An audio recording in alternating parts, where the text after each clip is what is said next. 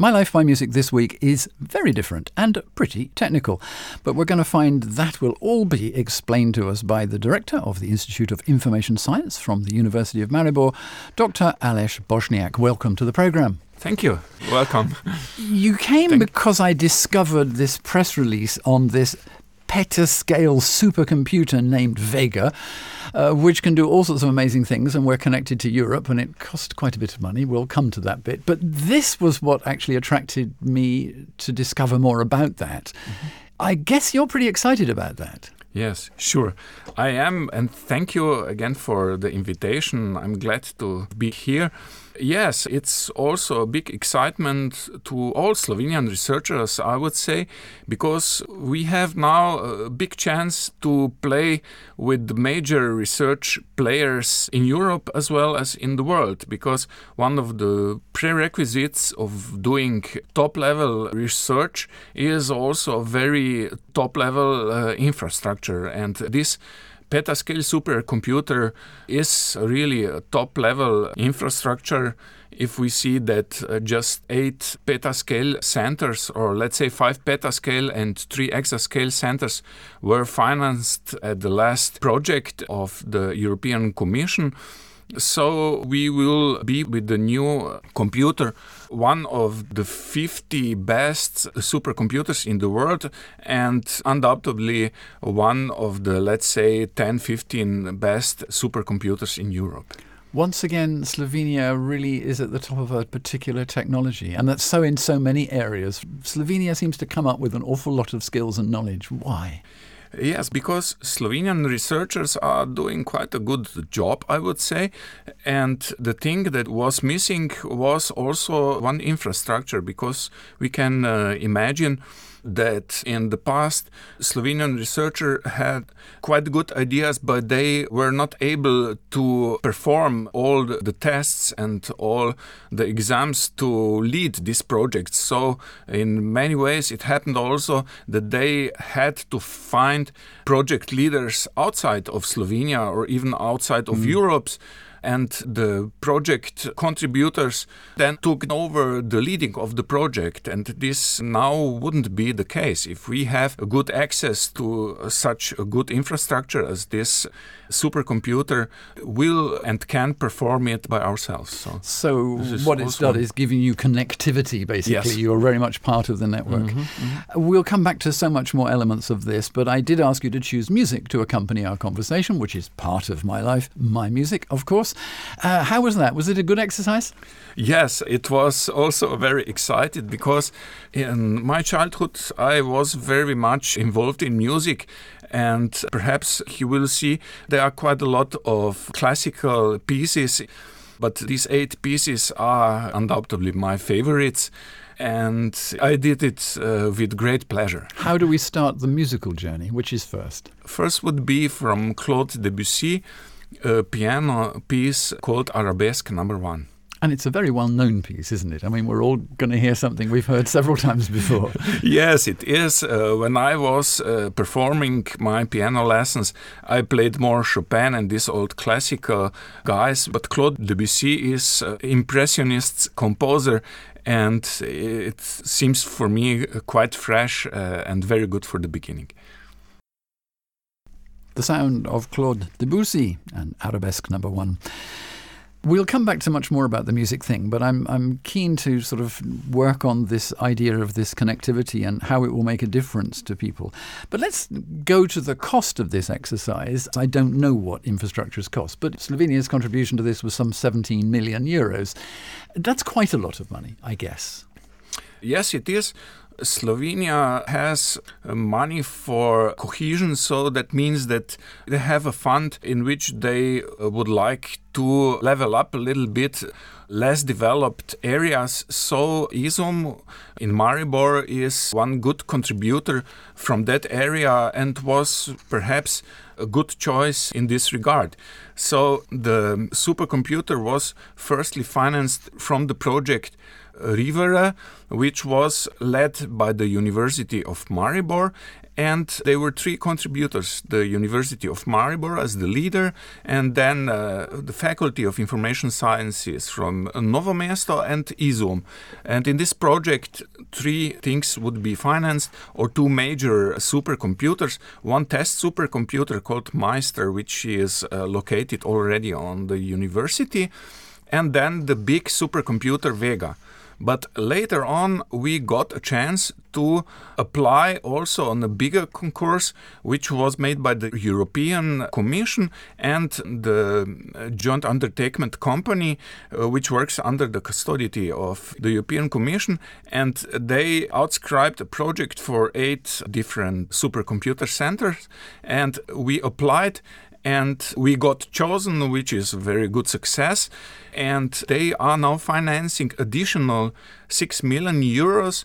That means for us uh, about 30% of the costs of the project. And we also have now the obligation to ensure about 30% of computer time for the European researcher. But on the other hand, it means also that we will connect very much with the European researcher on several researches.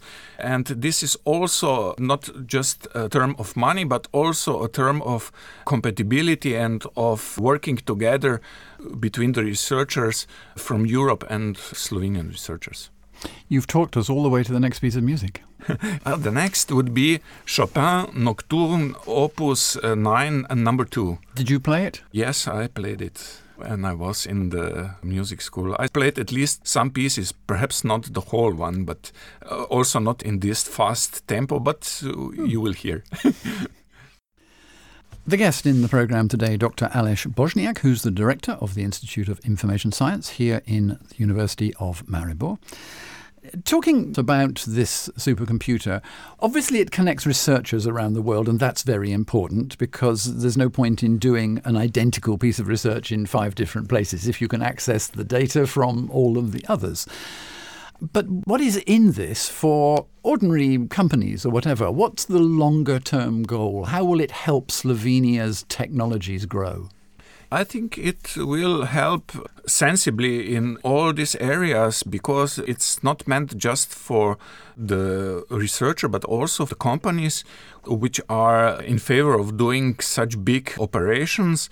So it will, I think, in the long term also provide big improvement to high level companies, mostly in the areas of prediction of the weather in gene technology, then also in physics, uh, several areas like nuclear processes. And also, I think in informatics, we have established in Slovenia also UNESCO Center for Artificial Intelligence. In this area, we will have big computational problems. So I think all these areas would be very much supported by the system. And when we launched the first test computer, the Maister computer in university, we also had already quite a lot of requirements for the big supercomputer, which, as you already said, will be called uh, Vega. So I, am not scared about uh, the usage. I think there would be several opportunities and I think also it will be the last puzzle in the um, in the supporting of Slovenian researcher, which is one of the big aims of our institution. You mentioned in there some of the areas that are specific, and you talked about gene technology or weather prediction and so on. Of course, all of these have vast amounts of ever changing data that yes. relate to them, and that's the reason for the speed, I guess. Exactly. It's perhaps a similar thing if you also uh, see other infrastructure. For instance, if you see a microscope, if it's a bad one or a cheap one, then you cannot see the very uh, small particles. Mm. And it's almost the same with this supercomputer. If you are not able to perform such big operations in very small time, you cannot see some processes that are going on in several materials or in cosmos and so on. Because every problem could be simplified and simulated in big equations or let's say in big formulas which can then be performed with a supercomputer and Mm. this skill of modeling and translating this in computational problems is also one of the big challenges of our institute i would say in the future The next piece of music. uh, the next piece would be Edith Piaf, La Vie en Rose. Very different to what you've been choosing so far. Why? Yes, I like also vocational music very much because some of our big known professor said that the most beautiful instrument on the world is uh, the voice, The human voice. people's voice. Yes, the human It's interesting because she wanted to make people cry even if they didn't understand the language. yes, that's a good comment. Yes. the lovely sound of Edith Piaf, La Vie en Rose. You've brought up a lot of areas here about computing and the speed with which you do it. And actually, the speed is very difficult to imagine. I mean, you're talking about some 500 gigabytes a second uh, in terms of transmission of data, for example. Which is huge. I mean, I think I've got at home up to, on a good day when the wind's in the right direction, something like 10 megabytes per second. So to s- transfer something on my data would be six days, as or nearly it's 5.6. It- It really is stunning, isn't it? The speed with which technology is able to operate. Mm-hmm. Uh, now, and that is the key to this, isn't it? As you described it earlier, finer detail. Yes, I fully agree with your very uh, good introduction description because it's not just about the number of CPU units, which is really huge. As if we see that the new uh, supercomputer would have more than 120,000 CPU units, that means about 40,000 laptops Yeah. in parallel and so on. All but this huge amount of computational power doesn't mean anything if you don't have the big capabilities of managing with big data. And for managing big data, you also need to have a data field where you store the data and then uh, also a very quick transfer of this data. And therefore we have a european european network called GÉANT which connects uh, supercomputers all over Europe. And we have a lot of entry points in Slovenia. Arnes is the institution who carries out these connections. And so we will face a very good data transfer first between Maribor and Ljubljana and all the other crossroads I would say in Slovenia. And it's it depends where you are located but I think all the research institution would be in favor of transferring the data as you said with the amount of 500 gigabyte per second. That is really a huge amount and it makes sense that if you perform big computational formulas to solve then you have to have also very big data transfer and also the access to big data storage this goes hand in hand Another piece of music. the next piece would be Le Conte de Hoffmann, performing by Anna Netrebko and Elīna Garanča. It's from Jacques Offenbach. You're obviously very excited about it. It's really nice to see you talk about it because for you, this is kind of like boys with new toys almost. It's that kind of feeling, isn't it? Yes, it is really. We are very glad because this is also a new agenda for us as an institute. We first came up with the business of carrying out the library information system. This was at the beginning from the 80s. And then afterwards, when we connected all the libraries more or less in Yugoslavia, at that time we got an old uh, project uh, from Yugoslavia, we connected Yugoslavian libraries. Afterwards, we broadened the network also with the COBISS.net network, which works on the old Yugoslavian republics, which are countries now, and additionally also some part of Bulgaria and Albania that was the story of library information system but uh, afterwards we tried to accomplish the mission for supporting researchers and therefore we established a current research information systems where the bibliographic information in the libraries are connected with the information of library people and also research organizations and research groups. And now, as I said at the beginning, we are adding the last piece of the puzzle, which is this infrastructure. So that's interesting because it actually connects to all the library stuff because it brings it down to human scale, if you like. Yes. It brings it right down to the grassroots of what's going on. This isn't just a technical exercise for the fun of researchers. Uh, let's have another piece of music. Oh, you're moving into the area of rock and roll now. Yes. Tell me about it. Yes, it's from my secondary school. As I was a teenager, I obviously loved very much the Beatles and Rolling Stones, as perhaps most people, let's say, over the world. And I cannot decide which is better, Rolling Stones or Beatles. They all do terrific music. And I think that the history of music already showed that uh, these are two major players for the eternity. So, one of the big pieces that I love so much is Honky Tonk Woman from Rolling Stones. The sound of the Rolling Stones and Mr. Mick Jagger, Honky Tonk Woman. You, you mentioned your own background and education a little bit then. You grew up here locally in Maribor? Yes, I'm born in Maribor, and my connection with music is very uh, normal in our family because my mother played the piano and uh, my right. grandfather played guitar and so on. And so it was quite obvious that my sister and I went to music school. Hmm. And I felt this playing of piano in the primary school uh, as a big burden yeah. because my mother said it is mandatory that I have to. And I didn't understand why, and the, the pieces were there so technical and so on. But afterwards, when I went in secondary school, it was up to me if I decide to go or not. And I decided to go. I got a beautiful teacher which gave me a lot of inspiration.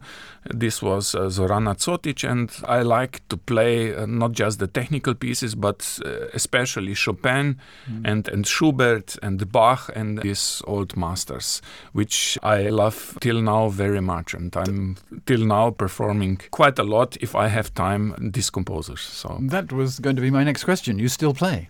Yes, I do, uh, because it makes me feel good. When I need the relaxation, I uh, sit to the piano. And also, my family likes it a lot. Uh, my daughter went also to the piano school. She's now a doctor in uh, Maribor's hospital, but she also likes playing piano.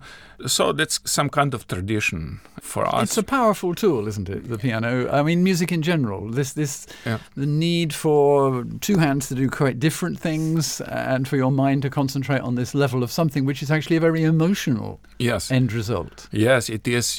First, you need quite a lot of technique. It needs to perform uh, regularly because otherwise you fall out.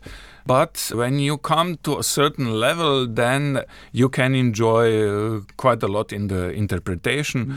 So it's some kind of uh, everyday's job. Also, the technique things are, I would say, if you would like to be a good natural scientist, then you also have to perform regularly. Yes, and that's, that's quite something that goes together with the music, I would say. What's the next piece? Uh, the next piece is Bob Dylan, Girl from the North Country. That's a little different. Why? Because when I went around Europe, I heard this piece a lot. In my times, we had the Interrail tickets and we could use all the trains around Europe for one month. At that time, I heard Bob Dylan very much, so it wakes big memories for me. The guest in my program today, Dr. Aleš Bošnjak, who's been talking about the new supercomputer and the uh, ability for the future of Slovenia to be really on the forefront of research and technology. You were talking, though, uh, about music and about your own personal life. What made you so interested in this? At what point in your education, I guess in gymnasia, did you decide that this computer technology was so important to you? Uh, yes, it happened more or less at the end of the secondary school, this gymnasium with the emphasis of mathematics, because we had a class which was more or less a mathematical class. And so I loved mathematics and physics very much. And in one point, I wanted to upgrade it with a little more technical skills. So I inscribed to the Faculty of Electrical Sciences with the emphasis of computer sciences, which happened a little bit later because at that time we didn't have pure computer faculties. Mm-hmm. Afterwards, when I finished my studies, then I employed at the university and I was very much involved in robotics. I was in a group which made a robot, and at that time I was working with a process computer which managed to uh, learn and to perform the calculations for robotic movement. This was a process kind of computer, and afterwards I wanted to go when I employed on the IZUM, which was at that time a big player in library information sciences. I wanted to explore a little bit the uh, searching with ontologies and the semantics behind it as we have today Google that you don't search just on the basis of words and letters but that you can uh, calculate also the meaning behind these words. At that time it was quite new so that was my doctoral study afterwards. Yeah. Very interesting. That's something i hadn't really thought about. The next piece of music please. The next piece of music is Israel Kamakawiwoʻole Somewhere Over the Rainbow. Which is a very uplifting piece of music. Yes, it is. also, uh, for me, kind of adventurous if you imagine all the things that Israel is talking about in, in this piece we come to the very last part of the programme. Only this bit of conversation is left, unfortunately, because there are so many areas I could touch on and haven't.